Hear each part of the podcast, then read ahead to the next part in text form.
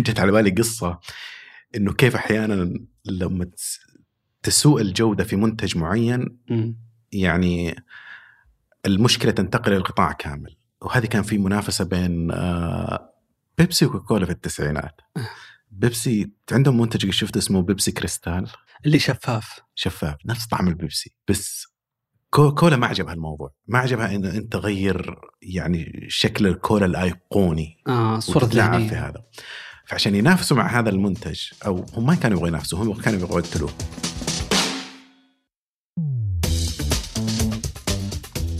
هلا حياكم الله. معكم محمد آل جابر كاتب ومختص في الاقتصاد.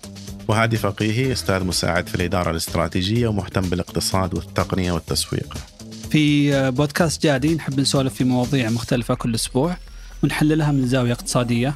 تفسيرنا للأشياء اللي حولنا سواء على نطاق تصرفات الأشخاص أو الشركات أو حتى الحكومات دائما نحاول نشوفه من منظور اقتصادي بس تدخل فيه جوانب نفسية وتسويقية واجتماعية.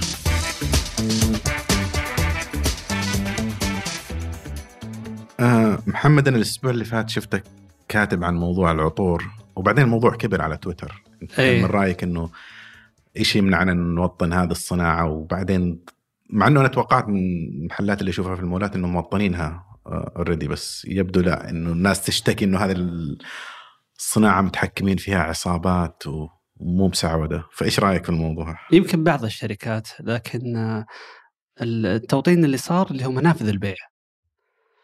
التوطين على منافذ البيع. لكن كشركة يعني تخضع إلى نسبة توطين معينة مثل أغلب قطاعات التجزئة. آه، فكان في فصل بين وش نشاط الشركة يعني يعني من قبل كان توزيع التوطين أو السعودة آه، يكون بناء على على على قطاع الشركة وبعدين أضافوا عليه تعقيد إنه بحسب حجم الشركة في القطاع أوكي. فمثلا في في أربعة أو أربع تصنيفات آه، وكل قطاع بحسب وين أنت في الأربع تصنيفات من ناحية عدد الموظفين لك نسبة معينة مفروضة عليك. آه، ولكن في نفس الوقت كان في توطين على أجزاء ثانية إنه والله ال- منفذ البيع لازم يكون مثلا نصف العاملين فيه سعوديين بعدين رفعوا ل 75 بعدين مثلا إذا كان المنفذ البيع داخل مول 100% فصار في شوية يعني آه، لخبطة في الموضوع. بس قطاع العطور إيه فقط إنه منافذ البيع. اللي كان آه اللي كان تكلمت عنه آه إنه لا أنت عندك سجل. السجل هذا يعتني ببيع العطور. آه المكياج التجميل أي شيء في نفس ال- آه خلينا نقول آه القطاع هذا بشكل عام أصلا ما تقدر تفتح سجل في مكتب العمل ما تستخدمه حتى يعني هذا كان التوطين هذا اللي يعني توطين 100% من المدير إلى البائع أنا ما في الموضوع أشوف إن الدافع يعني تقول إحنا أصلا أصلا فيها خبرة محلية ومكان العمل أيضا مريح لكن في نفس الوقت لما توطن قطاع أنا أشوف إنه أو أتخوف إنه من القطاعات اللي جالسة تمر بهبة. إيه. في عدد الآن كبير من محلات العطور وشركات العطور بس هل هذا القطاع حيستمر زي بهذا الحجم أو يصير له زي ما صار في القطاعات الثانية إن نص المحلات تقفل؟ وبعدين طيب هذول اللي وظفتهم وطنتهم إيش يصير فيهم. فما أدري إيش رأيك أصلا؟ هل هذا القطاع ال- أو النمو اللي جالس يصير فيه شيء مستدام؟ آه أنا معك. آه يعني قناعتي الشخصية إيه نعم هو في هبة الآن. أتوقع حتى ال- اللي في نفس القطاع م- أغلبهم الآن وصل إلى مرحلة إحنا في مرحلة متأخرة من الهبة إذا بتقسمها مراحل. فيمكن أغلبهم وصلوا إلى مرحلة أنهم آه، واعين أنهم في هبة الأغلب آه كل علامات أنه وش ال وش اللي يفرق بين والله قطاع في سوق نمو طبيعي أنه مهم. آه، لأنه ما في حالة 100% تصير. يعني ما في إنه والله العدد الشركات اللي جالس يطلع في هالقطاع يتناسب 100% بالضبط على حسب الحجم. دائما في فرق. دائما في فرق إنه يا إما متأخر شوي أو متقدم شوي. آه و- ولأن أنت فعليا لما تفتح محل أنت تتوقع الطلب المستقبلي. لانك إذا طلعت اليوم السوق شفت والله مثلا في 100 عميل على لما تروح وتطلع باسم وتطلع سجل وتسجل محل وتحط بضاعة أنت ستة شهور. اي دائما تبني على معلومات متأخرة. بالضبط. فاللاج هذا يخلي فيه مس ماتش بس إذا أخذته على على المدى الطويل إنه تصل إلى مرحلة للتوازن. القطاع العطور واضح جدا في كل علامات الهبة. طبعا ما حيكون أول قطاع مر عندنا بهذه ال- الهبة. الناس تفكر إنه في هبات قريبة صارت تتكلم لك عنه. خلاص كفاية مطاعم كفاية مقاهي بس ما أعتقد عندنا أي قطاع نما ما مر بحبه ما مر بفتره إنه خلاص الناس آه، بطلوا هذه المحلات. أنا أذكر كمان الإنترنت محلات أبو ريالين هذه مم. اللي حتى إحنا في قرى بعيدة كنا وصلتنا. قرية مم. فيها محلين محل محلين أو ثلاثة من نفس النوع. فما أدري ودي أشوف تاريخها يعني. وهل هذا شيء خاص فينا أو؟ آه الهبات في المشاريع. إي. تقدر ترجع أقدم؟ على مستوى السعودية خلينا نقول بس. آه يمكن اللي أنا أقدم شيء أنا قريته أو سمعت عنه اللي هو هبة شركات المقاولات أو سجلات المقاولات في أيام الطفرة الأولى. في أيام الطفرة الأولى تأسس اللي هو آه، صندوق التنمية العقاري. كان يعطي قروض للمواطنين. آه، أظنها أول ما بدأت حتى كانت 150 ألف ارتفعت إلى 300 ألف ارتفعت ل 500 بعدين. آه. هذا مو مع ما غيرته للتضخم آه، لا لا هذا مبلغ مطلق. اي اي هو وقتها كان بفلوس وقتها. 150 أو 180 ألف ان تبني يعني بيت. طبعا يعطونك أرض منحة تأخذها من. البلدية. آه، ولكن ال- الصندوق يعطيك قرض لبناء المسكن المسكن الأول. آه، ويكون على دفعات بحسب يعني ما تنزل دفعة واحدة على حسب أنت تبني كم دفعة تجيك. فوقتها آه، في ناس استغلوا ال- ال- الفرصة هذه إنه أنا ببني بيت ببني بيت وفي الأخير بروح أجيب مثلا عمالة أو شيء. بس لازم أعطيها كونتكست بسيط. وقتها ما كان كان يعني السعودية كانت اقتصاد مرة ناشئ. فما في مشاريع ما في مقاولين ما في أحد. لدرجه إن الحكومة تبي تسوي مشاريعها تجيب مقاولين من برا. فعندك شركات كورية شركات من من قبرص شركات آه، فرنسية ألمانية هم اللي يبنون المشاريع. فمثلا استخدامنا لل- للشركات اللي كانت تجي من كوريا بعمالتها باستافها كامل ما كانوا فقط إحنا نبي شيء بجودة زينة ولكن لأنه ما كان أصلا في شركات مقاولات محلية. فتخيل الطفرة العالية اللي تمر فيها السعودية إن الحكومة مي محصلة مقاولين يجيبوا مقاولين من برا. فلما بدأ المواطنين يبغون يبنون بيوت آه، طبعا في عدد زي- زيادة عدد السكان بالإضافة إنه سكان انتقلوا للمدن عشان وظائف يعني. ف ففجأة كذا في طلب عالي على السكن فإذا الحكومة محصلة مقاولين أنت كمواطن ما أنت محصل فهذه فتح يعني إنه طبيعي كان في في طلب فعلي. آه، ففي ناس فتحوا شركات مقاولات لا- آه، لأنهم يبغون يعني فعلا يتخصصون يصيرون محترفين في هالقطاع ولكن سرعة النمو الطلب الغير طبيعي بسبب الضخ الحكومي فتح فرصة إنه والله أنا ببني بيت ببني بيت أفتح سجل تجاري أجيب واحد مع شوية عمال يبنون بيتي ويشتغلون في السوق يبنون بيت غيري. أوكي. فصار إنه فعليا كل سعودي مقاول يعني هذه الناس يمكن تتداولها الآن الجملة من باب إنه والله كل الناس يفتون في البناء ويعطيك نصائح إذا تبني بيتك يجيك يقول افتح المجلس على مدري كيف وخله أوسع وكل واحد يعطيك رأي مختلف. ولكن من قبل لأنه فعلا يعني عدد سجلات المقاولات في السعودية كان غير طبيعي. يعني. بس أنت ذكرت قبرص والكوريا بس أعتقد على مستوى البيوت النموذج اللي استوردناه كان مصر وباكستان أكثر. آه، آه، أنا ذكرت آه، كوريا وقبرص إنه مشاريع الحكومية. إي بس البيوت أنا. إي كانت تبنى كذا. فما كان في مقاولين محليين أصلا مم. ما كان عندهم أي خبرة. فإحنا رحنا يعني يوم, يوم بداية فتح السجلات المقاولات هي بداية الاستخدام الفعلي. لا تنسى إنه شركات مثلا الكورية والألمانية والفرنسيه بيكتل كل الشركات هذه ترى كانت تجي على عقد. موظفينهم ويوظفون يعني سعوديين للأشياء التكميلية اللي يحتاجونها.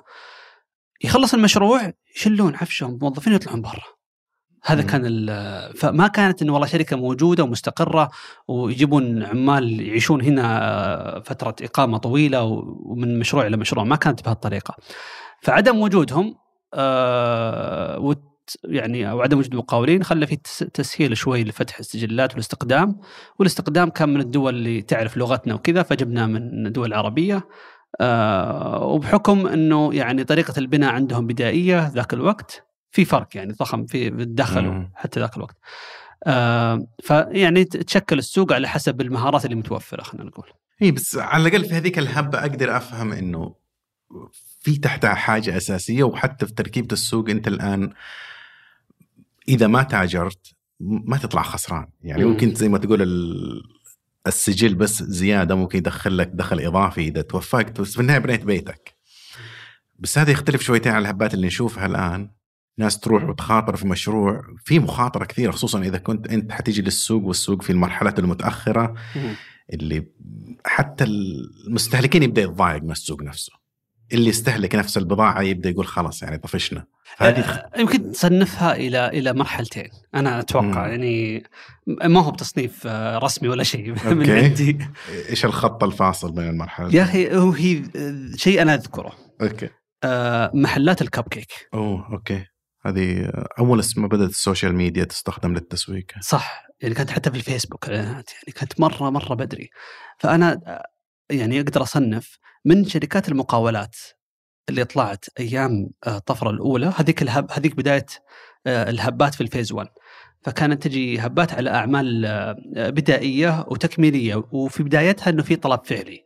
ففي تأجير السيارات بعدين جاء موضوع اللي هو كباين الاتصالات. و المحلات هذه ابو ريالين اللي هي تجزئة واللي لأنه ما كان في تغطية كافية للمحلات وكذا. فكان جزء منها يبدأ إنه السوق جالس يتوسع بشكل سريع آه، بسبب الضخ من الحكومة في يعني عن طريق الوظائف والدعم وكذا.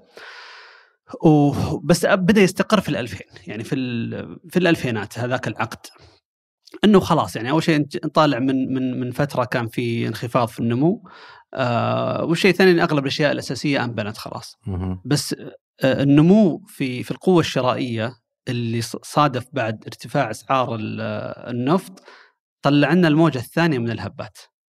أوكي. طبعا لاحظ إنه كان في توسع مثلا كبير في المقاولات في عهد الملك عبد الله. بس ما حد يصنفه كهبة لأنه الشركات موجودة من قبل واصلا كان توسع يلا يلحق على الطلب وصح إن في شركات قفلت وكذا لكن أغلبها كان B2B أو اللي هو يقصد من من شركة يعني تقدم خدمة لشركة أو شركة تقدم خدمة آه، للحكومة فما كان يلمس بشكل كبير آه، الناس. ولكن لما بدأت الهبات تطلع بشكلها الحديث اللي هو محلات متخصصة في منتجات معينة بسعر آه، وطريقه تقديم وتجربة مختلفة تماما عن المعتاد. أنا هنا أصنفها الهبات الجديدة اللي هي بدأت من الكب كيك محلات الكوكيز آه بعدين طلعت مثلا brandات العبايات آه البيتزا مع مايسترو إي الأكلات المتعددة. الحين نشوف مثلا أو لها كم كم سنة الآن اللي هو محلات ال coffee shop ال specialty وكذا. فأنا أصنف هذه الحال واللي قبل الحال. شوف انت تذكر إحنا لما دخلنا الجامعة يعني كان أيضا عندنا إحنا هبات على التخصصات. وكان الهبه اللي أنا دخلت فيها اللي هو تخصص التسويق. اليوم معظم الجامعات عندنا هذا التخصص جالس أعداده قليلة جدا. بس صارت عندنا هبه على التسويق مو بس في التخصصات وأيضا في المحلات. صار في استيعاب في الثقافة انه لازم تبني علامة تجارية جيدة وتهتم بتجربة المستخدم.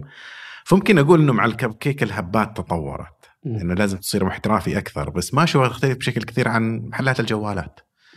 محلات ابو ريالين بس ما تذكر ولا اسم محل ابو ريالين ولا محل صح. جوالات صح؟ إي ما في علامات تجارية إنه كل شخص حتى الكباين كان نفس اللوحة.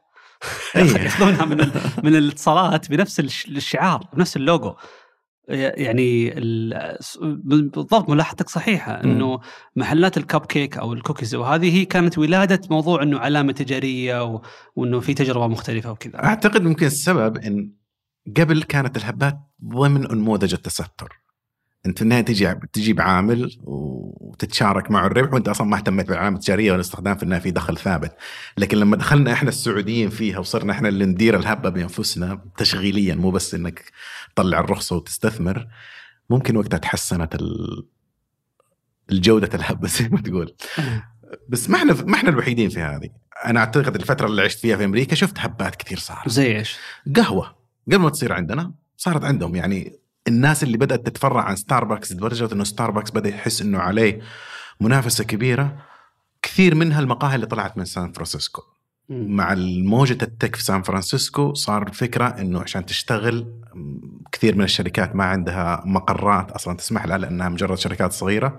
فيروح ويجلس لك في مقهى زي أتوقع واحد Peet's Coffee والله واحد زي Blue Bottle وبدأت تتسرب لكل مكان بس بعدين صرت تروح مدن صغيرة وهذه دائما تحصل في مكان مقهى متخصص وفي واحد معه laptop و tattoos وجالس يشتغل على على مشروع. مم. واستمرت هذه الهبة.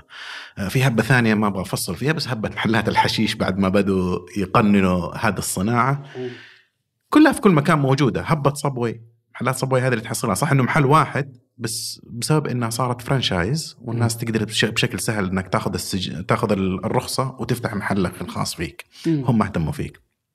فما أدري يعني إيش اللي يميزها عن عندنا عن باقي الدول وجهة نظرك؟ آه، إحنا طبعا كنا نتكلم الحين في قطاع الغذاء. مع إنه يمكن تركزها أكثر في القطاعات آه، الغذاء والتجزئة لأنها هي الأسهل في في الدخول.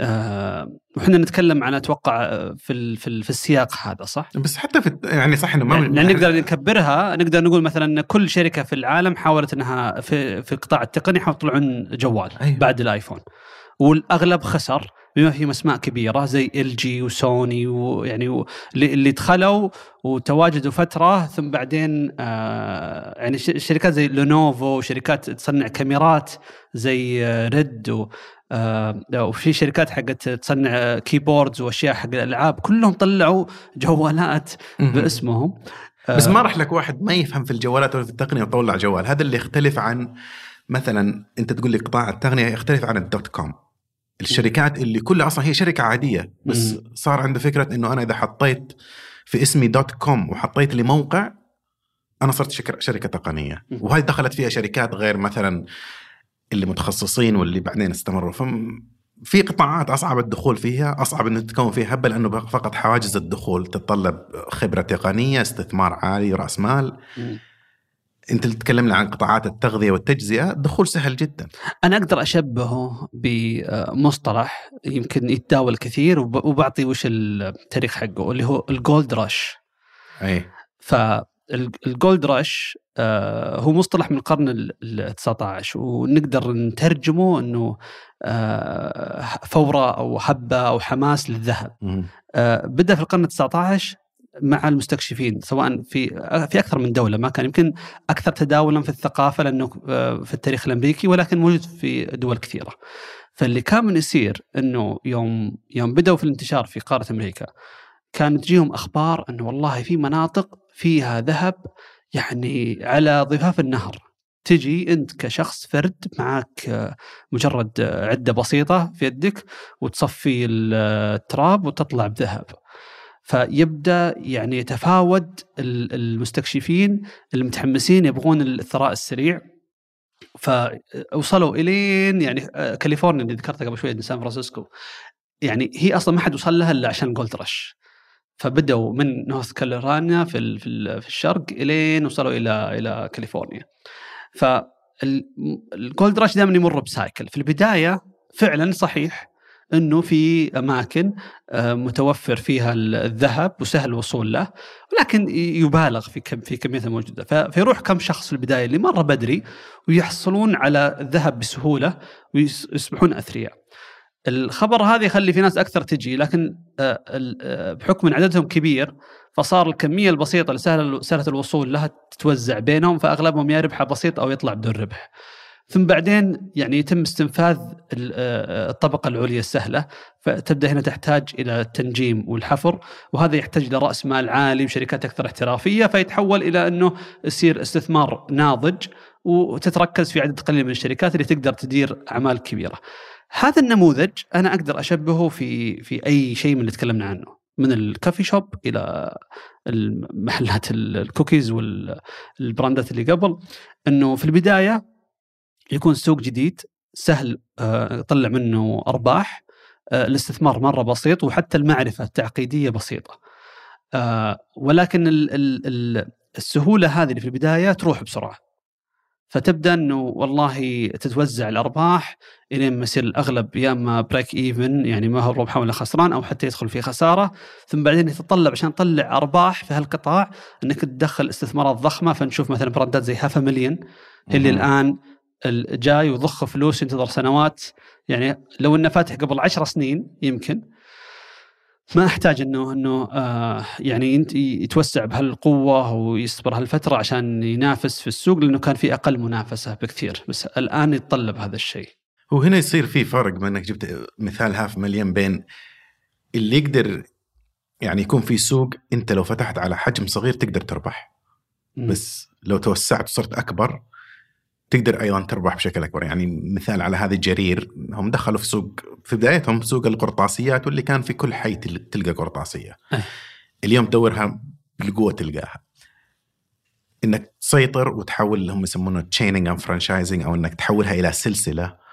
وتجمع كل المحلات الصغيرة بحيث إنه كل الطلب على هذا المنتج يتم عن طريقك بس في هبات ثانية تصير على شيء أصلا ما يقدر ينجح فيه إلا شخص أو شركة ضخمة جدا يعني الآن الناس تفكر في موضوع ال AI وتتوقع إنه زي تطوير التطبيقات إيه. أو زي تط- تطوير ال social media أول ترى إنك تسوي موقع social media أو تطبيق تقنيا فعلا سهل بس. التفكير في كيف إنك تبني شيء يشابه ChatGPT مو كأنك تبني موقع فعليا كأنك تبني طيارة إيه. لأنه كمية الفلوس اللي يستهلكها الآن سام ألتمان جالس يقول إنه جالس يجمع سبعة تريليون.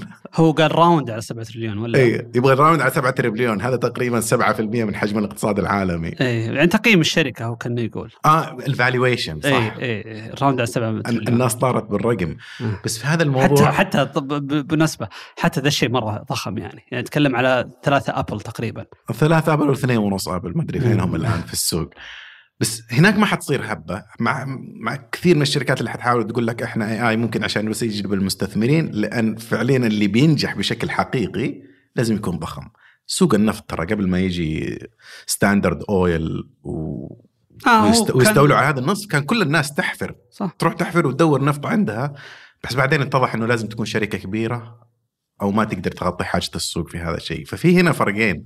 بس إحنا ممكن عشان لسه السوق ما في الاستثمارات في الأشياء الضخمة هذه سهل إنه تصير الهبة لأنها متركزة في الأشياء اللي من الوقت اللي تفكر ويخطر فيك تجمع أخوياك وتقول إنك حتدخل في السوق. إلى الوقت اللي تقدر تدخل في السوق ممكن يقول أقل من سنة. ما في أي حواجز تمنعك إنك تدخل. طب كمقارنة ما تحس إنها عندنا أثرها أكبر في سوقنا من اسواق يعني أنت كانت مثلا ال- ال- ال cafes اللي في, في, في أمريكا بس ما كانت ترى يعني ما تشوف إنه شارع كامل في كافيات بعدين قفلت يعني. وترى. ال specialty coffee يعني أذكر في مسلسل من التسعينات اسمه Frasier مم. اللي راح ال- لحاله في سياتل وفتح ففي ثقافة القهوة يمكن بدأت في سياتل اللي هي نفس المكان اللي بدأ فيها ستاربكس مم. ولكن كان في أول حلقة إنه جابوا أبوهم الشايب إلى محل اللي يجلسون فيه اللي هو cafe specialty اللي يقول لك من فين جاية ال- bean وكذا فيشرح في أول حلقات يعني.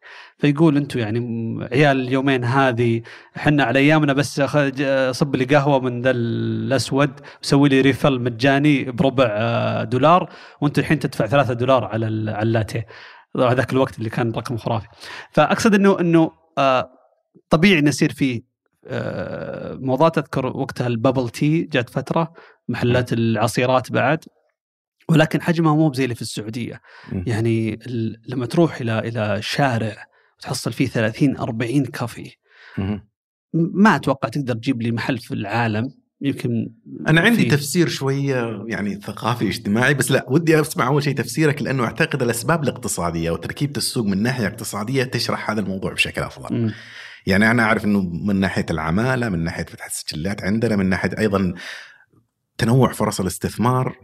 آه، نوع السيولة من فين تجي، مشكلة إنه كثير من المداخيل من النفط والرواتب، صح كل هذه لها يمكن دخل في يمكن. يمكن نبدأ من هنا إي فأنا ودي تعطيني تحليلك من الزاوية الاقتصادية. إنه ال- الناس عندها دخل عالي جاي من الوظائف الحكومية أو من آه، وظائف الشركات اللي تشتغل حول النفط تستلم فلوس النفط. فالفلوس هذه طبعا مستوى الم... ال- أو تكلفة المعيشة منخفضة ففي شيء عندك يسمونه ديسبوسبل انكم. أو الدخل القابل للصرف. إي بعد ما تدفع يعني تدفع الأساسيات حقتك. فال فتاريخيا يعني عشان ما ندخل في نقاش إنه اليوم أدري إنه اليوم حياه غالية بس خلينا نتكلم إحنا نتكلم على 40 50 سنة مو هو فقط آه، الوقت اليوم يعني فتاريخيا إنه الديسبوسبل انكم أو الدخل القابل للصرف في السعودية يعتبر عالي الحمد لله مقارنة مع أغلب الدول في العالم إن لم يكن يعني من الأعلى فهذا يخليك آه، تحتفظ بالفلوس إنه يصير عندك مدخرات ال- الجانب المقابل اللي المفروض المدخرات هذه تتوجه له اللي هو صناديق استثمارية أو سوق أسهم أو أي منافذ للاستثمار. بحكم إن الاقتصاد عندك جالس يتطور بعنصر واحد اللي هو عنصر النفط ما هو العناصر الثانية ما هي جالسة تساهم في التطور ذا فما في يعني منافذ استثمارية لأن المعادلة تمشي في أي مكان، السوق ينمو لأنه في شركات تشتغل، الشركات تبغى رأس مال عشان تتوسع أكثر، فيفتحون خيارات استثمار، أنت كشخص موظف هالشركات جاك فلوس تعيد الاستثمار وهكذا تنمو الأمور. بس أنت عندك شركة واحدة هي اللي جالسه يعني لها الفضل في كل هالنمو أو لها الدخل الرئيسي وهي ما هي بشركة مساهمة ولا ولا لك أي ما تحتاج أي استثمار من من من الأفراد. فتبدأ الاستثمارات في الأشياء المساندة. ولكن بحكم إنه أغلب الأشياء المساعدة بسيطة. يعني تحتاج أنت آه، للموظف يحتاج له سوبر ماركت وما أدري أشياء بسيطة جدا. الحياة حتى وقتها يعني السعودية يبنون بيوتهم أنفسهم فما في شركات خلينا نقول مثلا تبيع بيوت آه، ما يأكلون برا. هذا الشيء اللي الحين مستغرب إنه ترى مهما كان دخلك ما حد كان يأكل برا البيت إلا أنت مثلا عزوبي بعيد عن أهلك أو إنه والله أنتم في سفر. ولكن كان حتى الغني أو اللي أقل دخل إنه يأكلون في البيت يعني. فأسلوب استهلاكي الصرف برا ما كان موجود. فالخدمات اللي تقدر تقدمها وتستفيد من ناحية الاستهلاك ما هي موجودة. فهذا الشيء يقلص بشكل مرة كبير منافذ الاستثمار. فتبدأ انت تنتظر متى أي يعني فرصة تجيك تستثمر. ف هذا طبعا يشرح على مستوى الاستثمار يمكن حتى موضوع الفقاعات اللي يدخلون فيها الناس وهذا موضوع آخر. ولكن انه إنه أنا عندي فلوس طيب ممكن والله بشتري تريلات وأعطيها واحد يشغلها. ولا ولا بفتح مثلا محل أو مكان اللي ياجرون الدبابات آه، أماكن المنتزهات وعند البحر أو شيء زي كذا. هجت هبه فترة الناس توسعوا فيها بشكل كبير. فكل ما تجي فرصة والناس تسمع إنه سهل الدخول فيها لأن أغلبهم لا تنسى إنهم موظفين. وهذه فكرة الاستثمار إنه أنت يا أما شخص متفرغ وعندك معرفة في مجال معين فتفتح بزنس تنجح ما تنجح يعني موضوع آخر فيها عدة عوامل. ولكن إنك تكون موظف وهذه وظيفتك هذه شغلتك والمدخرات الإضافية تستثمرها مع الشخص الثاني يعني يا هو بشكل فرد أو بشكل أكثر تعقيدا إنه يكون شركه أو كذا. فهذا يمكن السبب مرة رئيسي للنشأة خلينا نقول للجنسس حقها. ولكن آه، كيف شكلها تصير؟ هنا نجي على قضية السوق العمل سهولة الاستقدام يعني هنا وين تترجم هذه المدخرات إلى هبات والهبات كيف يكون شكلها طيب لا بس أنت جالس تذكر كلمة مدخرات بس أنا في أعتقد إن ما هي مدخرات يعني أنا من الواقع اللي حولي وأقاربي وأصدقائي اللي أشوفهم دخلوا في مشاريع واللي نجح واللي تورط غالبا التمويل شخصي م. وممكن أحيانا عشان التمويل الشخصي ما يكفي أكثر من شخص يجتمعون في تمويل شخصي. التمويل الشخصي ما هو جايك على المشروع. جايك على راتبك. أي. لأنه مضمون إنه أنت حينزل لك راتب وظيفتك حكومية البنك ما حيسألك إيش حتسوي في الفلوس. فهنا يختلف سبب التمويل واستخدام التمويل. آه. أنت جالس تمول بشخص شخصي والبنك يقول ما حتحمل عنك أي مخاطرة بينما تحطه في شيء في مخاطرة عالية. بينما لو كان الاقتراض من أجل مشروع والبنك يفكر يعني زي ما اليوم أي شركة تروح وتاخذ آه، قرض عشان تمول مشروع من مشاريعها لا وقتها البنك حيسأل أسئلة أكثر وحيطلب معلومات أكثر عشان يتأكد هل أنت حتفشل ولا حتنجح حتقدر آه، تدفع هذه المبالغ ولا لا. وهذا يدخل طبعا في موضوع القوانين الإفلاس والمسؤولية الشخصية اللي موجودة عندنا في سوقنا. فاعتقد هذا عامل ثاني جالس يسهل المشاريع والهبات اللي تكون على مستوى فردي أو أشخاص قادرين فردي. يعني أي مشروع تقدر اليوم تدخل فيه أو كان تقدر تدخل فيه بأقل من نص مليون. في باب تمويل مو بس مفتوح أعمى. ما يفكر في جدوى المشروع لأنه مو مرتبط بالمشروع. طيب يعني. هذه عشان بس ترى اذا أنت كنت شخص عايش طول عمرك في هذا الواقع ما تعرف وش ال وش ال الوضع المغاير اللي هو الأغلب. إحنا وضعنا استثناء. سهولة حصولك على قرض شخصي يعني تجي تقول ما في تعال أنت كم راتبك؟ البنك عنده فورمولا موجودة. كم ثلث الراتب المست... يضربون الراتب في في النسبة هذه وخلاص يعطينك يعطونك no questions asked أصلا أغلب البنوك الآن صار حتى إلكتروني التقديم ترى. تقدم وينزل. وعلى طول يعطيك الحد الأعلى. ما يقول لك كم تبغى. إي بالضبط. يعني, يعني هو... آخر مرة أخذت قرض قلت له طيب أعطاني مبلغ كبير. قلت له طيب ما أبغى هذا الشيء. مستغرب. فهذا شيء يعني آه، ممكن بسبب الأنظمة المحلية اللي هو أول شيء إنه أغلب الناس اللي يقدمون وظائف حكومية أو شبه حكومية فما في خطر على البنك إنه والله الشخص يفقد مصدر دخله اللي هو مصدر السداد. والوضع الثاني اللي هو آه، قضية عدم السداد. إنه عندنا في خطوات إيقاف الخدمات وكذا يمكن حتى السجن قريب بشكل غير رسمي قالوا اللي كان أقل من مليون أو شيء إنه يعني يطلع أمر سجن بس ما ينفذ ولكن إنه فيه يعني إمكانية إنه إنه يتم السجن على الدين. هذا شيء ما هو موجود في فمثلا فتروح في أي دولة ثانية تروح للبنك أبغى تمويل شخصي وما في تمويل شخصي. أعطيك ليش؟ تبي تشتري بيت؟ أوكي نعطيك إنك تشتري بيت واحسب البيت وين مكانه كم تقييمه و... وأنت كيف راتبك يكفي ما يكفي وآخذ ضمانة إنه مثلا تعطيك دفعة أولى يغطي جزء لو في حالة إن السوق نزل وبعت البيت إني ما أخسر. آه تبغى تمول سيارة؟ أوكي بس في طريقة إني أنا أسحب السيارة. إذا ما بس ما في شيء اسمه قرض شخصي ما في أسئلة طبعا. في قروض شخصية بس تتكلم إنه تعال أنت معادلة أنت واحد توك متوظف اليوم أول يوم وظيفة حكومية تطلع آه، قرض من أي بنك. وأنت ما عندك أي credit history أو سجل ائتماني مع البنك يعرف. وبالمفارقة لو انت رجل أعمال لك 20 سنة من نجاحات ومن يعني ذا تروح تبغى تطلع سيارة ما في بنك يعطيك تطلع سيارة. إي لأنه هو وما لهم البنوك هنا هو وجهة نظر إنه هو جالس يقترض من الحكومة. أنت فقط وسيط بينه وبين الحكومة. يعني ممكن هذا التفكير. بس فسهولة الحصول على رأس المال؟ سهوله الحصول وأيضا إذا دخلنا موضوع التستر وسوق العمل يعني هذا هذا العامل الأكبر. هذا العامل الأكبر انها انها يعني هي بتصير مع أو بدون. ولكن هذا السبب الأكبر ليش انها في الغالب الهبة هي عبارة عن محل. يعني ما هو بشيء آخر. إنه سهل إنك تفتح محل تستخدم وتوظف فيه ناس. يعني أغلب الناس ما يفتح مطعم في ذكرت سبوي مثلا في أمريكا. ليش طلع؟ لأنه كان أرخص امتياز تجاري تحصل عليه في أمريكا والاصغر والاقل تكلفة في رأس المال بس من اللي خذاه؟ مهاجرين في الغالب يبغى يشتغل في محله صح لأنه أصلا قضية تفتح مطعم وتجيب عمالة كل شيء في المطعم سهل ما عدا إنك توظف الناس وهذا الشيء اللي يخلي السوق يعني يكون يا إما شركة كبيرة عندها أنظمة وعندها يعني عمق تمويلي يجيبون تمويل للتدريب والاستقطاب الكفاءات وبرضه يدورون الموظفين في الوظائف السريعة هذه أو إنه يصير family business business عائلي. فالناس حتى مثلا عندنا تستغرب تقول يا أخي رحنا بعض الدول وحصلنا عندهم مطعم اللي تدير العائلة. حلوة التجربة خلينا نسوي زيها عندنا في ما تقدر تسوي زي لأن عندك وفرة في العمالة. بزر واحد من وزارة العمل تستقدم من أكثر من 100 دولة بالعدد اللي أنت تقدر تدفع عليه حق السعودة يعني. هذا يشرح ليش ما عندنا Chinese food كويس. تحتاج عائلة تحتاج ناس ما يعرفوا يتكلموا معك إنجليزي. إن هم أصلا يعني جايينكم يشتغلون في نفس ال ال عندك هنا تروح مطعم صيني اللي يشتغل فيه هنود يعني فما إيه. أنا من من وجهة نظر ثقافية أعتقد يعني إحنا ثقافتنا وأنا بصراحة ما أحب الدراسات اللي تعمم على ثقافة معينة بس أحيانا تقدر تشوف شواهدها.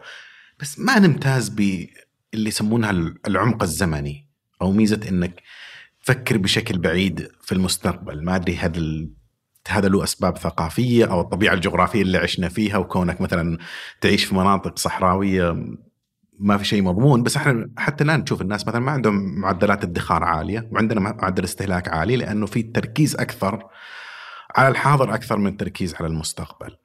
وهذا بوجهة نظري يلعب في موضوع الهبات. لأن لو تسأل كثير من الناس هو يعتقد إنه أنا حأقدر أدخل وأطلع قبل ما تنتهي الهبة. يعني في نهاية الهبة في واحد حيكون عنده محلات آه، يدفع إيجار وما حد يجيه آه، دفع رواتب عمال والبزنس مو شغال بس قبلها كلها في ناس حتستفيد من الإقبال وحتستفيد أيضا من ممكن باقي المحلات رخيصة والعوائل متوفرة. هذا التفكير إنه أقدر أسويها وأطلع بعدين أفتح مشروع ثاني بوجهة نظري عند أكيد في ناس كثير تبني علامات تجارية على مدى طويل ومن كل هبة يبقى لك علامات تجارية. يعني من هبة الكب كيك بقيت في محلات من هبة ال fast food قبل بقيت آه، أعتقد كان عندنا هبة fast food صح؟ البيك وال Hungry Bunny هذول كله طلع منها. لكن الأغلب تفكير إنه ما حبني علامة تجارية لوقت طويل. أنا أقدر أتخارج في سنة في سنتين. فهذه كيف يزيد لك موضوع أو كمية الدخول في السوق بشكل كبير وهذا له عامل ثقافي آه، أنا في وجهة نظري.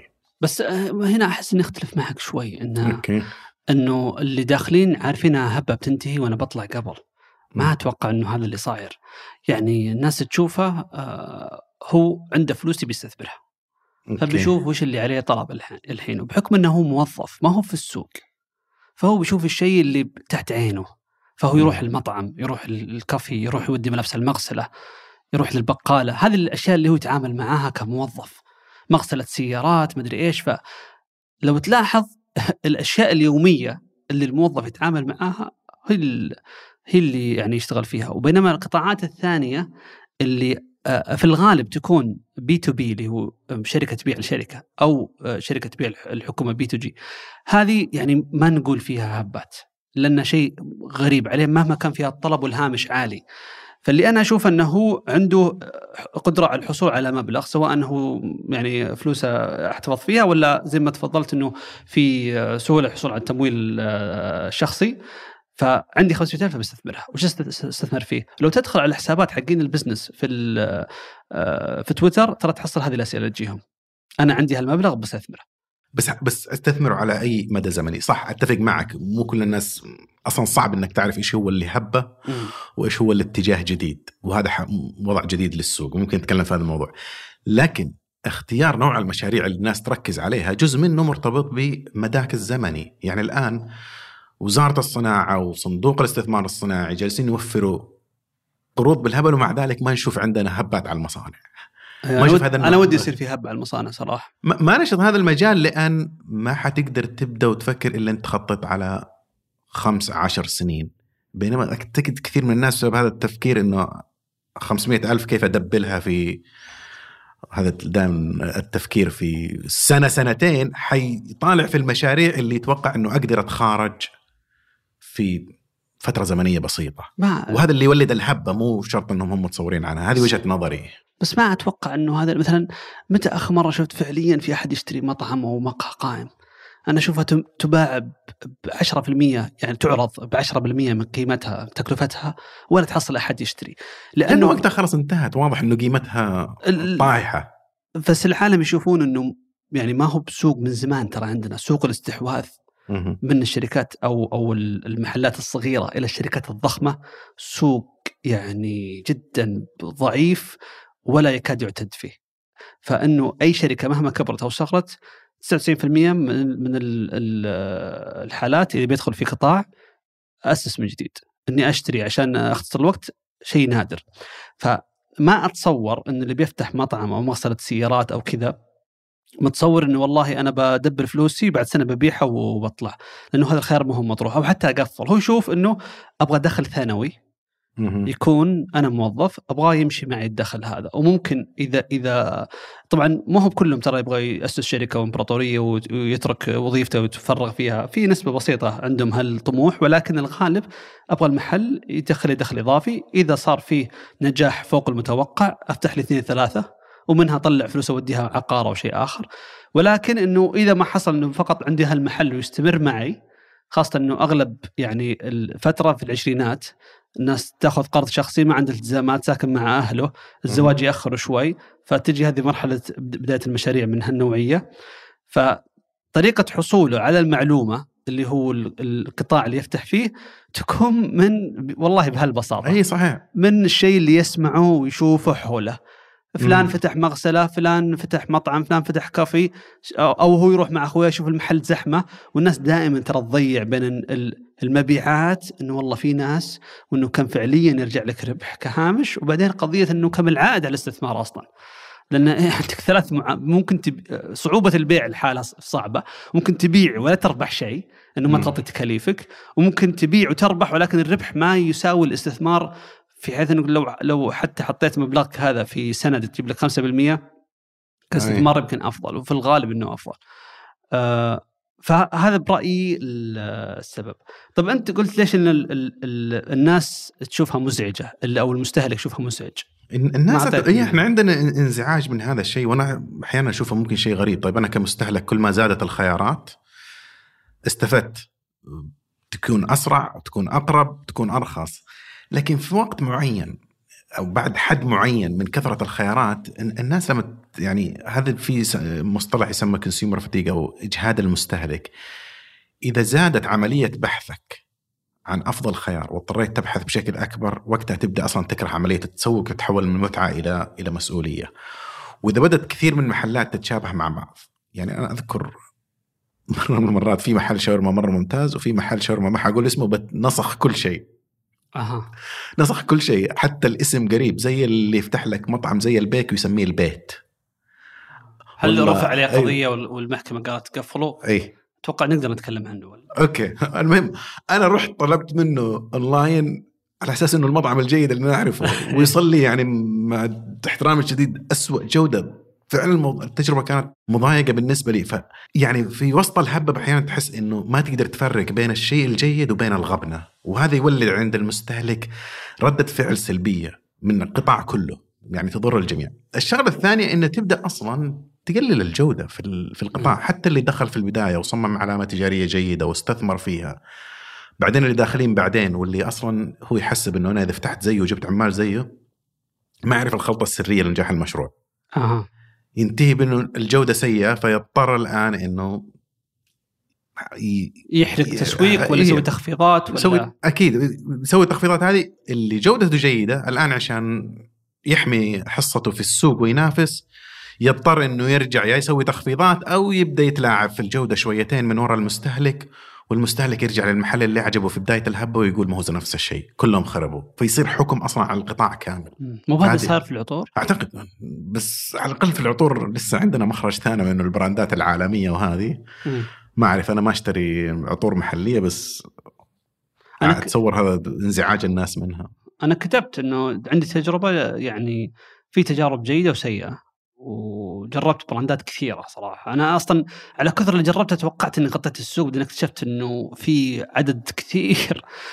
آه، شريت بعضهم أعرفهم يعني في شخص أو شخصين أعرفهم عندهم آه، أو شغالين في هالقطاع ومن القديمين جدا. يعني أنا. تفاجأت إنهم قديمين لهالدرجة. آه، لأن إحنا ما عرفنا عن آه، تواجد المحلات لأنه برضو في فترتين. في فترة الفترة القديمة مرة اللي هو فترة العربية العود والشركات اللي طلعت من زمان وكانت في البداية يمكن فقط تستورد وتبيع بعدين طورت لها منتجات وخطوط باسمها. آه، بس بعدين آه، من قريب صار في براندات المحلية في العطور وخلنا نقول احترافية في التسويق وفي التغليف وأغلبهم تواجد أونلاين ما هو ب offline.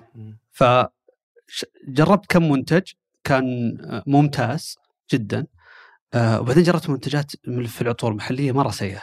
لا من ناحية الجودة على قولتك آه، أو حتى من ناحية ال- ال- الت- التجربة نفسها. آه، يا أخي في سبب إنه ال- ال- العطور العالمية ما يبي ما تباع إلا في المعرض مرة فخم يبيعونها في المطارات تحصلها في أغلى الأماكن في أماكن يعني حصرية يجيبون دائما الإعلانات في في في أغلى ال- ال- السبوتس يعني يحجزون لها. لأنه ترى أغلب تكلفة العطر هو فعليا في التسويق. المنتج يشكل من 7 إلى 15% على بتغليفه بكل شيء. ف فجزء الأعلى يروح في في في قضية التسويق وضمن قضية التسويق الت- التواجد والبيع كله يعتبر ضمن التسويق. آه أنت تذكرني يعني الآن جت على بالي قصة إنه كيف أحيانا لما تس- تسوء الجودة في منتج معين يعني المشكلة تنتقل للقطاع كامل وهذه كان في منافسة بين آه بيبسي وكوكاكولا في التسعينات. بيبسي عندهم منتج شفته اسمه بيبسي كريستال. اللي شفاف. شفاف نفس طعم البيبسي. نفس طبعا البيبسي بس مو بلونه أسود شفاف. مو بلون أسود. آه. متى طلع؟ أي وقت؟ في التسعينات وبعدين رجعوه في قبل ست سنوات. أيوه. أنا ما عرفت القصة إلا بعد ما رحت جربته. بس كو- كولا ما عجبها الموضوع. ما عجبها انه أنت تغير يعني شكل الكولا الأيقوني. آه صورة في هذا. فعشان ينافسوا مع هذا المنتج أو هم ما كانوا يبغوا ينافسوا هم كانوا يبغوا يقتلوه. نزلوا منتج بنفس الشكل بس رديء جدا وسوقوا له بشكل مرة كبير. والناس راح تجرب هذا الشيء وتكتشف إنه هذا الشيء رديء. ما هو زي الكرة الحقيقية مع إنه منتج بيبسي أفضل. بس كونت هذه الصورة إنه هذا الشيء سيء خلوكم على المنتج الطبيعي. وفعلا وقتها بيبسي اضطرت إنها توقف المنتج وكولا بعدها انسحبت. ورجع السوق لوضعه القديم. فهذه بس عشان يشرح نقطة إنه أحيانا منتج سيء ممكن يدمر إي دمر آه، الصورة. الصورة لل... مو بس لل... للشركة نفسها وإنما للقطاع بشكل هذا اللي. أنا أقوله. فشريت كم عطر وكانوا زي كذا في معارض وفي أماكن يعني جرب شيء جديد. فجربتها ويمكن حتى واحد عندي هنا بخليك تشوف. جديد له سنتين أظن من ثلاث رشات بس. آه، مرة سيء فقلت brand محلي يعني أنا جربت وخلاص ما راح أرجع أشتري مع إنه منطقيا إن عندنا المفروض جودة عالية لأن إحنا نستهلك العطور من الاعلى في العالم وبعدين يعني مع. يعني جهد صراحة إنه فلان وفلان وفلان عرفت إنه في براندين ثلاثة هي اللي براندات محلية قديمة ويشتغلون فعلا على الجودة وطريقة تسويقهم احترافية ولكن هذولا ضاعوا وسط ال 20 30 brand اللي طلع حبة ويعلنون مع كل مشهور واللي أنت شفت اللي قبل فترة اللي بيحط لك آيفون مع package خمسة عطورات. آه طبعا هم سوقوها بطريقة فيها تضليل. أيوه. إنه قالوا بنحط جوال إذا شريت خمس عطورات بنجيك معها جوال.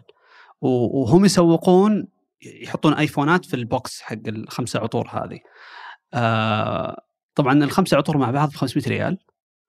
آه ومنطق إنه الآيفون ب 5000 والرقم اللي هو يعني أنا صراحة ألوم اللي شرى يعني Yeah. لأنه هو فعليا ما قالوا الجوال إنه آيفون هم قالوا جوال ولكن هم لعبوا على طمع الناس كالعادة آه بس الناس أخذت ال- ال- المنتج هذا حاولوا يرجعوه ما في ترجيع طلع يعني جوال نوكيا القديم. طلع لهم جوال مو بنوكيا حتى طلع لهم جوال مدري صيني أو شيء ما يسوى ولا 80 ريال 70 ريال موجود في السوق الظاهر حصلوه طلعوه في ال...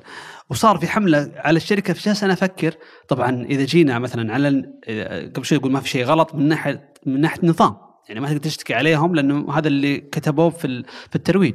ولكن من ناحية سمعة ومن ناحية أخ... شيء أخلاقي وكحفاظ على ال business حقك أنت يعني خطأ مرة كيف تسوي شيء؟ لا هذا صح يظهر في التضليل المفروض أصلاً. إلا تبغى. تبيع ال stock وتقفل ال brand. غير كذا ما هو منطقي ابدا اللي صار يعني. حتى لو قلنا آه، حط موضوع الأخلاقيات على جنب. حتى لو قلنا فقط من ناحية business أنت الصورة الذهنية اللي تبنيها عن شركتك وعن قطاعك إن بشتري عطر جودته تصير ممتازة آه، آه، الشراء والترجيع تصير يعني فيه. فهذا الق- القضية إنه دمروا فيها سمعة الشركة وبرضو كل الكلام بدأ ينزل على زي ما قلت إنه على الشركات اللي في نفس القطاع. أي. بس أرجع لنقطة العمق الزمني وهذا ما يهمه في النهاية عنده أصول عنده عمالة عنده محلات حيست أو مستودعات حيستخدمها المنتج ثاني آه، متى ما جت الهب عليه. بس إحنا الآن في كلامنا هذا كأنه نصورها على أنها شيء سلبي بينما ممكن أحيانا تنظر إليها إنه شر لابد منه وهذه الطريقة اللي ينمو فيها أي قطاع. خذ مثلا يعني إحنا جالسين نتكلم في عطور ومطاعم لكن حتى قطاع السيارات. أول ما بدأ نموذج السيارة وشركات السيارة فورد اللي هي كانت من من الأوائل فهذا ديترويت المدينة اللي هي كانت عاصمة صناعة السيارات في العالم كان فيها أكثر من 120 شركة.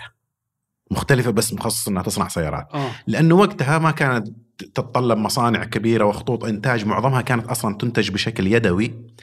فتحصل ناس يجتمعوا عندهم جراج وياخذوا هذه القطع من الموردين أو يسووها من نفسهم ويبيع كميات قليلة. الشيء اللي غيرت فيه فورد إنها أصبح في إنتاج هائل جدا نفس الموديل اللي اسمه ال mass production ووقتها خلاص كل هذول الصغار طلعوا ولازم تظهر شركات كبيرة. قطاع الطيران صناعة الطيارات مو بس الطيران. السفر مر بنفس الشيء عدد شركات أقل بس حتى هذه تكلمنا عنها في حلقة براءة الاختراع إنه الإخوان هذول رايت اللي أخذوا براءة الاختراع وراحوا يلاحقوا أي واحد يصنع طيارات. لأنه كان عددهم كثير ف حتى لو شفناها بشكل سيء لكن هل في طريقة ثانية إنه في قطاع ينمو ويخرج من غير ما تكون عليه هبة؟ آه لأنه في في ناس اللي يقول لك خلاص لا تصدرون آه، رخص آه، محلات قهوة كفاية. لا تصدرون مح- رخص محلات عطور كفاية. يعني التخطيط من الحكومة. آه اي آه هو طبعا خلينا ما نبدأ يعني ندخل نشرح الأشياء الأساسية في العرض والطلب والسوق والتسعير والأمور هذه لأنه للأسف إذا ما هو فاهم النقطة ما راح يفهم اللي بقول. بس خلينا ناخذها على آه، اللي لا فاهم هالنقطة العرض والطلب ولكن يقول إنه عشان نتفادى آه، التضخم اللي يصير في عدد المحلات في قطاع واحد يصير مزعج و... اللي صار مثلا في المطاعم أو شيء إنه والله رفع الايجارات آه، يعني سبب زحمة في بعض الأحياء إلى آخره. فيقول إنه والله خلينا نبدأ نحدد، إيش المشكلة؟ الآن إذا جيت حسبت قلت والله الحي هذا يخدمه خمسة مقاهي، خلاص بعطي رخص حق خمسة مقاهي السادس ما ارخص له. أول شيء بيجيك إنك أنت راح تخلق هنا انخفاض في الجودة، لأن إذا هم عرفوا إنهم الخمسة ما حد يرجع غيرهم آه، فليش أبدأ صح. أحافظ على الجودة إني آه، خلاص السوق يتوزع بيننا. الشيء الثاني إنه تبدأ تفتح مجال لسوق ثانوي اللي هو خلو قدم. فأنا جديد أبغى أفتح كل الأحياء آه، تعبت الكوتا حقتها خمسة محلات فأروح أقنع واحد منهم إنه بعطيك فلوس وعطني مكانك. فممكن برضو تفتح إنه واحد business حقه يصير أنا أروح أغطي كل الأحياء واللي يبغى يفتح كافي يشتري مني المحل وهذا الربح حقي فعليا. آه الشغلة الثالثة إن أنت وش دراك أصلا العدد إنه خمسة. لأن لو جيت قيمت كم الحي مثلا يحتاج من مطعم قبل عشر سنوات بيكون العدد جدا قليل عن الآن وليس فقط عشان عدد السكان حتى بنفس عدد السكان لأنه السلوك تغير كم مرة تأكل برا تغير عدد صحيح. زيارتك الكافي تغيرت استهلاكك للخدمات تغير في شيء طلع وفي شيء نزل فتبدأ لما تتكلم على سياسات تخيل إنه إنه إنه عندك آه، ال- في عام 2020 ولا شيء تقرأ إنه والله كم مسموح تفتح آه، محل آه، ت- هواتف في الحي. لأنه هذا اللي بيصير بتتراكم عندك الأنظمة ال ال ال الوضع يتغير من ناحية آه، احتياجات السوق والوضع الطبيعي. يعني اللي كان خمسة يمكن قبل 20 سنة كان مرة واجد. يمكن ما في حي يحتاج خمسة مقاهي. الآن يعتبر قليل. فمع الوقت ي- بيتغير بوتيرة أسرع مما أنت تحسب. آه، فهذا من ناحية التحكم ولكن ما هو بدائما انها سيئة. أنت طريت الكافي آه، أذكر 2011 آه، كان في تجربة إنه نبي نفتح specialty cafe كان مرة بدري. أنت, أنت قبل الهبه بست سنوات. إي أتوقع. 2011 2012 هذه. كانت الفترة. لأن لأن أصلا ال- القهوة المختصة كانت موجودة يعني آه، بشكل كبير في أستراليا. مره حقين قهوة من زمان. شفتها هناك عندهم. ويعني مرة انبهرت. كانت تجربة إنه يا أما محل ما له اسم وشيء على الطريق أو شيء يعطيك قهوة أو إنه مثلا brand عالمي ستاربكس ولا من المحلات هذه. فقضية إنه محل يصير متخصص وهو اللي يسوي التحميص وكذا جودته عالية. وحتى لو صار مثلا سلسلة يصير على منطقة معينة أو شيء 10 فروع أو شيء ما شفته بهالشكل فيوم شفته قلت أكيد لها سوق بيكون لها سوق في السعودية ولكن التجربة هذيك آه، لأنها مرة بدري زي ما قلت مثلا آه، ما كان في إلا اثنين أو ثلاثة اللي يوردون محلات الادوات للمطاعم والمقاهي ولما تجيهم أصلا تقول من أنت؟ أنت مع اي شركة؟ أي brand؟ لأنه إحنا ما محلات القهوة أي إحنا والله نعطي مثلا Dr. Cafe و Starbucks وثلاثة أربع براندات ما عندهم أصلا آلية يتعاملون معك والمكاين حقتهم كلها نوع أو نوعين اللي يشترونها ال- الكبار ذولا تبغى شيء متخصص ما في. محامص من اللي يورد لك القهوة تكتشف إنه ما في موردين للقهوة فتبدأ السلسلة كلها أصلا ما هي موجودة. آه بعدها بسنة أو 2000 و- نهاية 2012 13 لأن في نفس الوقت بدأوا أكثر من شخص يحاول سواء في الرياض أو في عدة مدن. آه بدأت المحلات اللي تدعم من ناحية المعدات والتوريدات وتزيد إلين صار في سنوات قليلة. بسبب الضخم آه، الضخ الضخم اللي كان موجود في القطاع من ناحية المحلات اللي تفتح ومبالغ كبيرة كل واحد يبغى يسوي محل أحسن من اللي قبله. فبدأت تنتشر وصار لا تقدر تت- يعني تشتري أدوات مقهى كامل أونلاين. صح. أدخل على حراج الآن بس أكتب للتقبيل هذا هذا المرحلة اللي ما بعد. ولكنه تطور ف آه، بتجي مرحلة طبعا عصيبة اللي هو بتزيد المحلات وكثير منهم الأغلب يعني راح يطلع خسران. ولكن انه بيخلي القطاع ينضج بشكل أسرع، الخدمات المساندة آه، يعني تتوفر بشكل أسرع. وكذا يعني آه، أي ولادة أي قطاع جديد بتكون بهالشكل. يمكن أرجع إلى قصة الجولد رش. اللي يقول لك آه، اللي ربحوا فعليا من من الهبات الذهب هم اللي يبيعون المعاول. الحفر هم اللي هم اللي ربحوا. لكن اللي باحثين عن الذهب هم اللي خسروا. النقطة وإحنا يمكن واحدة من الأشياء اللي الناس تتصور ليش هذا السلبي يعني أكثر من أي مكان ثاني الناس تحسها تتضايق بشكل آه، شخصي إذا شاف محل قفل. لأن في داخل راسه كثير منهم إنه إني أفتح محل كان حلم لي وممكن يتعاطف داخليا مع اللي خسر. وهو أكيد شيء سيء وكلنا ممكن نعرف أصدقاء لنا أو أقارب لنا خسروا وقفلوا محلات وتضايقوا. بس إذا طلعنا من المستوى الشخصي وبدينا نتكلم عن مستوى الاقتصاد إنه في محلات تقفل بالعكس هذا شيء إيجابي لأنه يعني إنه في محل استخدامه الأفضل في قطاع ثاني في عمالة. مفروض جهدهم يكون في شيء. إلا إذا دخلنا طبعا في مرحلة كساد والآن صارت في محلات كثير تقفل هذه قصة ثانية. بس في اقتصاد بشكل عام ينمو بس في محلات تتقفل هذا فقط إعادة توزيع للموارد ولرأس المال لأشياء استخدامها أفضل. اللي يسمح لك تنمو بشكل أكثر من إنك يكون عندك محل خسران بس آه، مواصل عناد لأنه يعتقد إنه الأشياء زي حترجع زي ما كانت. آه. فما أدري متى الواحد يعرف إنه في هبة وحتخلص ومتى يعرف إنه توجه آه. عندنا يعني عشان يعرف هل قفل واطلع أو استمر إذا ما كان عندك خطة إن تحولها إلى نموذج مستدام إنها تصير مم. فعلا شركة احترافية كبيره أو تتفرغ لها. فغالبا يعني أنت مصير خاصة مع الوضع الجديد الآن. قبل كانت متطلبات في ال في, ال في إدارة المشروع عندك في السعودية مرة بسيطة. ما كان في ضرائب ما كان في حتى يعني القطاعات الحكومية كانت متطلباتها منخفضة آه الآن الستاندرد ارتفع من ناحية المتطلبات اللي أنت لازم في قرارات ضريبية في قوائم مالية في فقضية إنك تسويه على الجنب وأنت موظف وخاصة الوظائف حتى صارت متطلبة أكثر من قبل فهذا النموذج جالس يطلع بالإضافة إنه المنافسة يعني قبل آه كم كان في في, في فرع ستاربكس مثلا في ال في ال ولا Dunkin ولا أي brand من برا؟ أنا أنا مرة بحثت في هذا وهم أصلا كانوا 20 أتوقع من 2014 نموا من 50 محل 2022 كانوا تجاوزوا ال 300 وما أدري الآن مم. تجاوزوا ال 400 ولا لا. بس نموا تقريبا حدود ثمانية أضعاف خلال عشر سنوات. والآن في شركات جاية للسعودية كاستثمار مباشر. يعني إحنا شفنا iHerb جاي يفتح له مركز في الر- في الرياض مركز توزيع ضخم. فإذا المنافسة يعني صارت أكثر شراسة والمتطلبات صارت يعني معقدة إذا أنت ما أنت متفرغ وتاخذ هذه كحرفتك فعلا هذا المجال اللي أنا فيه ولا ولا زي ما قل- قلنا قبل إنه في أشياء محلات محل كوكيز كان. مع موضة مع 50 محل كوكيز في الشارع اللي هو فيه ولكن منهم واحد قدر إنه يحول العمليات حقته ويتمتها ويتوسع فيها ويتوسع في المنتجات ويحولها إلى شركة ولكن في الغالب إنه كان متفرغ وحط يعني صارت هذه مهنته. فإذا كان آه، على على فكرة إنه والله إحنا ثلاثة أربعة آه، شباب قطينا مبلغ وفتحنا محل ولا حد ناوي فينا يتفرغ ومحلنا له ثلاث أربع سنوات ولا زلنا بنفس ال- المكان وننتظر متى يتحسن الموسم بعد الصيف ولا شيء ترى غالبا أنت في هبة وكل ما تأخر كل ما خسرت أكثر.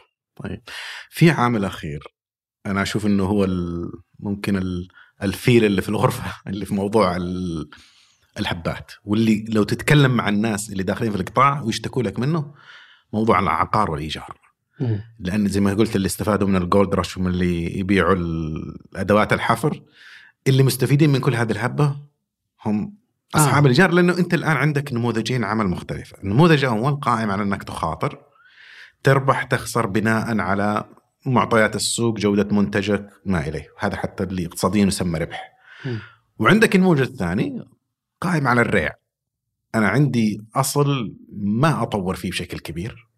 يعني إذا هي أرض هي حتكون زي ما هي. اليوم آه، أشغلها بمحل برجر بكرة أشغلها في أي محل ثاني حتستمر زي ما هي. بس جالس يمتص جزء كبير من القيمة. يعني شيء مو معقول مع إنه ما أدري هل ودنا يكون في تنظيم ولا لا.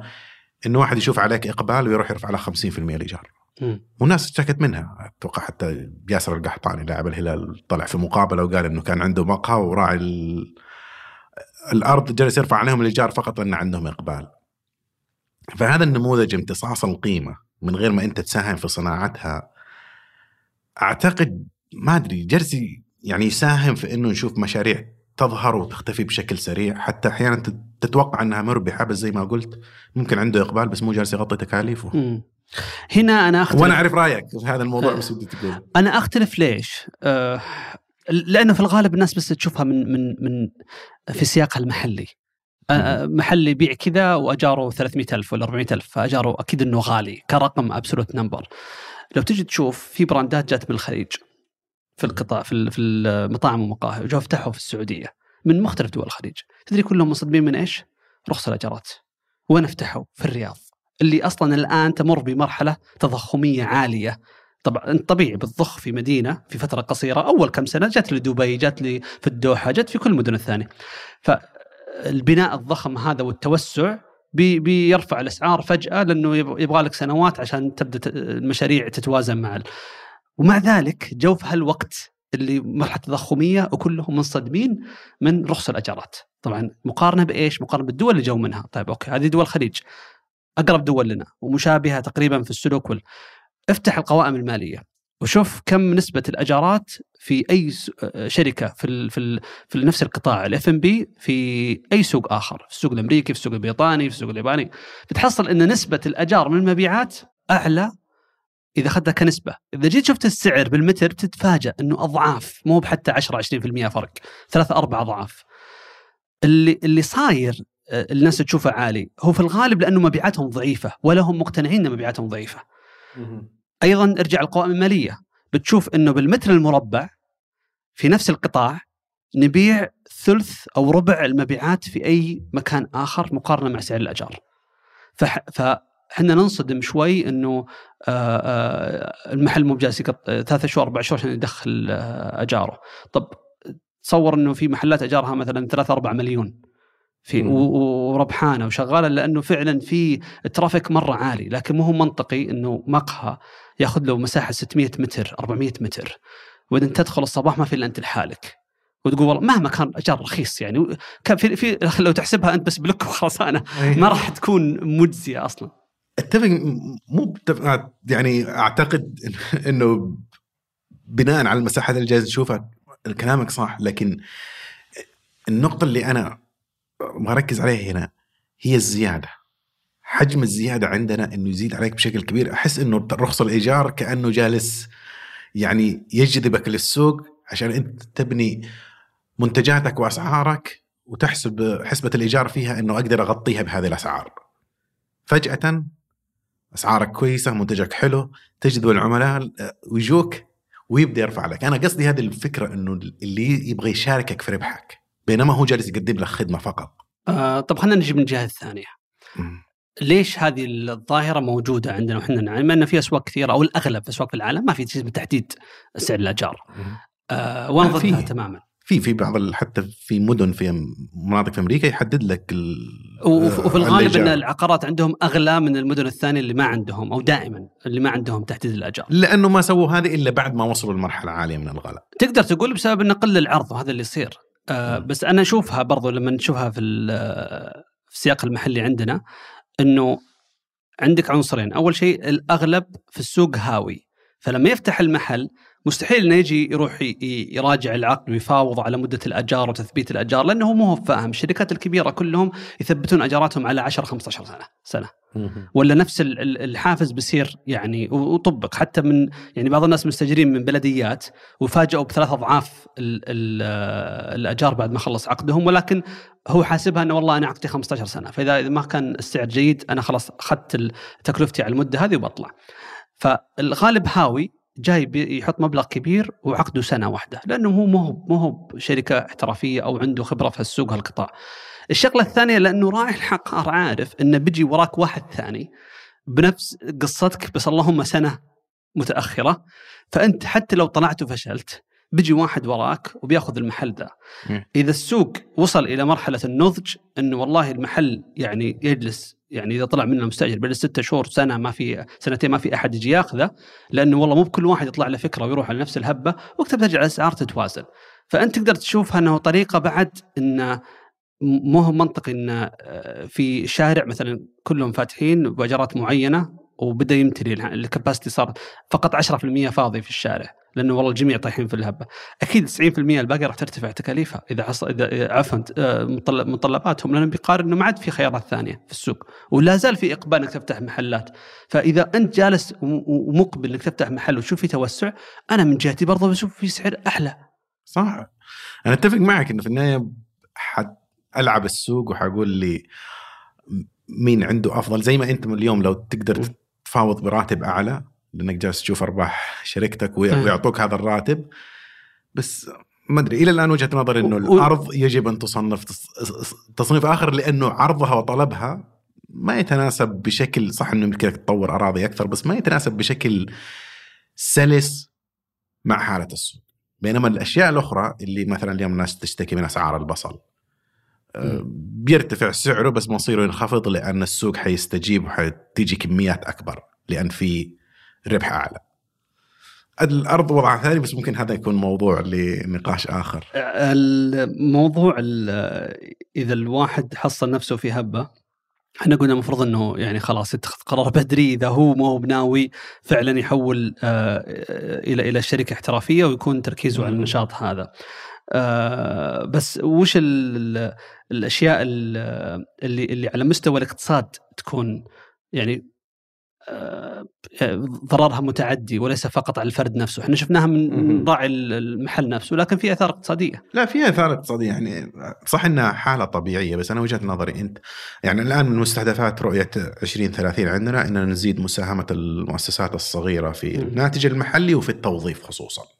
إذا يستمر الوضع زي كذا انت في موارد كثير جدا جالس توجهها ل آه، يعني موجات غير منتجة الوقت اللي تحتاج إنك تسحبها من هذه الموجة وبعدين تحطها في موجة ثانية أو في استثمار ثاني هذا وقت يضيع ما تشتغل في هذه المصاري. أيضا حتى على ال... يعني إحساس ريادة الأعمال إحنا الآن جالسين نمر فيه. لكن لو بعد فترة الناس تبدأ تطور عندها ممكن حالة تشاؤم أعتقد حتى القطاع حيبدا كل القطاعات حتبدأ تتأثر والناس حيصير عندها استعداد المخاطرة لأنه حب المخاطرة والنفور مخاطرة ترى عدوى اجتماعية. م. تيجي فترة كل الناس تبغى تاخذ مخاطرة لأنهم يؤمنون إنه آه حتربح. لكن لما يبدأ التشاؤم زي اللي يصير في سوق الأسهم يبدأ يصير الجميع متشائم وهذا ممكن يبطئ عندك عملية الاستثمار والتطوير. لكن بشكل عام أعتقد الحل لها مو إنه تروح وتقنن وإنما إنه تفتح مجالات أكثر للاستثمار وتعلم الناس وتوجههم. أنا أشوف إنه هذا اللي بدينا فيه. يعني آه أنا أنا رأيي إنه الحبات موجودة في كل مكان وطبيعي. هي هي من من صفات السوق نفسه. ولكن آه أنا أشوف أثرها السلبي عندنا أكثر من غيرنا بسبب آه إنه الغالب اللي يدخل فيها أو نسبة كبيرة من اللي يدخلون فيها يشوفونها هي الخيار الوحيد للاستثمار. فما هو بتهور أكثر من إنه ما في خيارات ثانية. وهذا تاريخيا كان موجود. كان سوق الأسهم حديث مرة يعني مقارنة بعمر السعودية وحتى الأزمة اللي صارت في 2005 يعني خلت الناس تخاف أكثر. فما كان خيار مطروح. وحتى هو يعتبر حجمه ضعيف مقارنة بالاقتصاد. الحين من خمسة سنوات نزلت أرامكو نزلت شركات كثيرة. صار في تشجيع وتسهيل صار في سوق النمو صار في حتى يعني الإدراج المباشر. وعندك محترفين أكثر يديروا لك أموالك يعني اذا انت ما تفهم في الاستثمار والصناديق وإضافة إلى ذلك آه، كان قبل في يعني الاستثمار اللي يصير خارج سوق الأسهم عليه تقنين ويعني شبه منعدم الخيارات.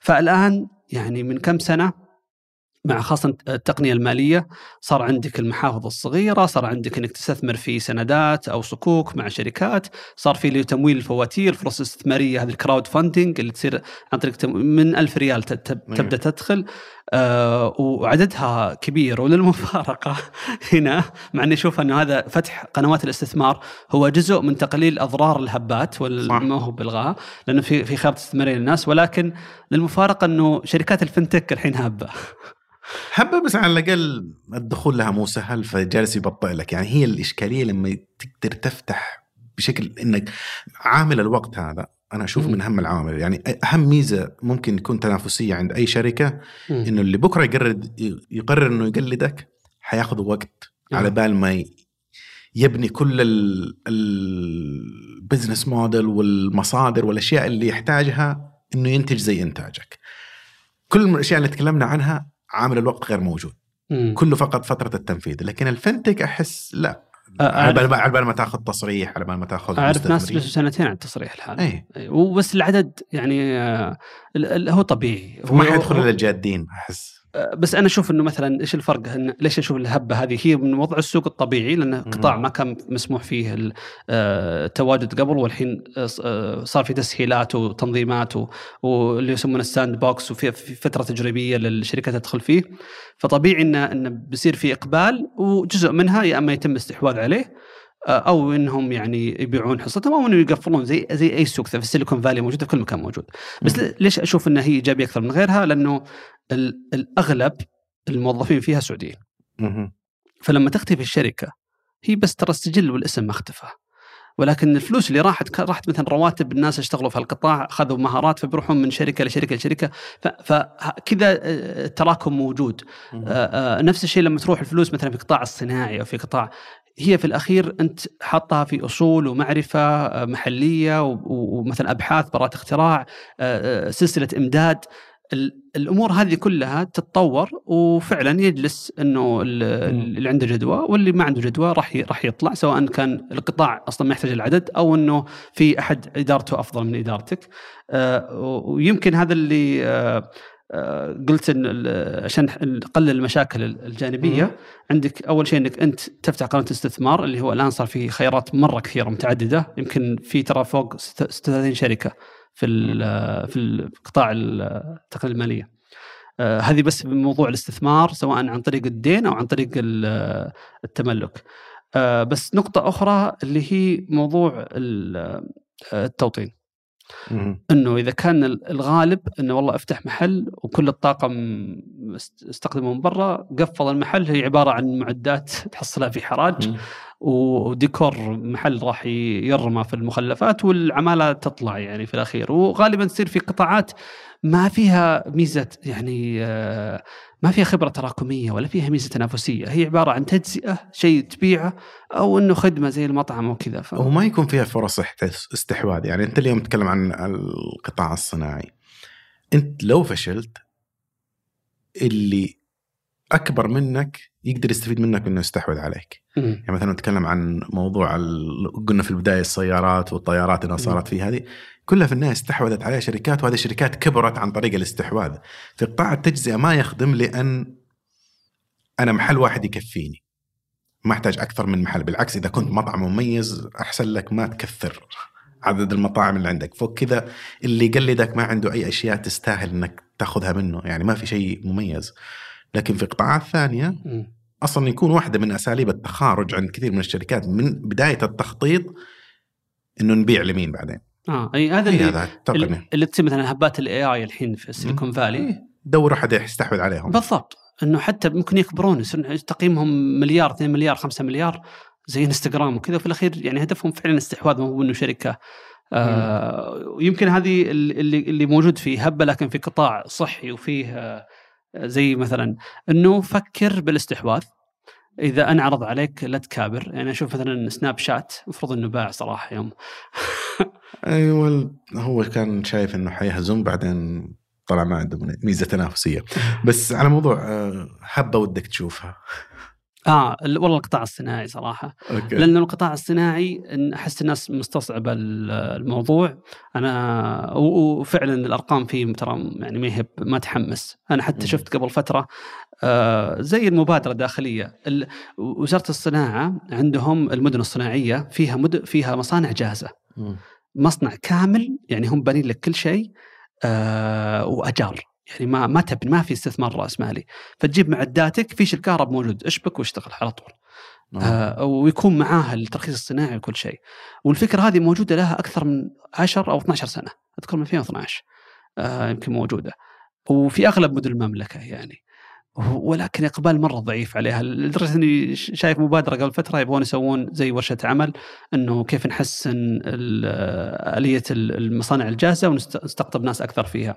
فأنت تخيل إنه مثلا تستأجر مصنع كامل ب 120 150 ألف يعني أرخص من بعض محلات الكافي اللي تأجر في آه، وخطوط الإنتاج اللي اللي تكون موجودة طبعا بمختلف الصناعات. أنت تقدر تسوي خط إنتاج بمليارات وتقدر تسوي خطوط إنتاج ترى بمئات الآلاف. آه فأنا أستغرب اللي مستعد يدفع 3 4 مليون في كوفي شوب. إيه. رقم 500 ولا 600 في الحي اللي فيه أو الجزء من المدينة اللي هو فيه.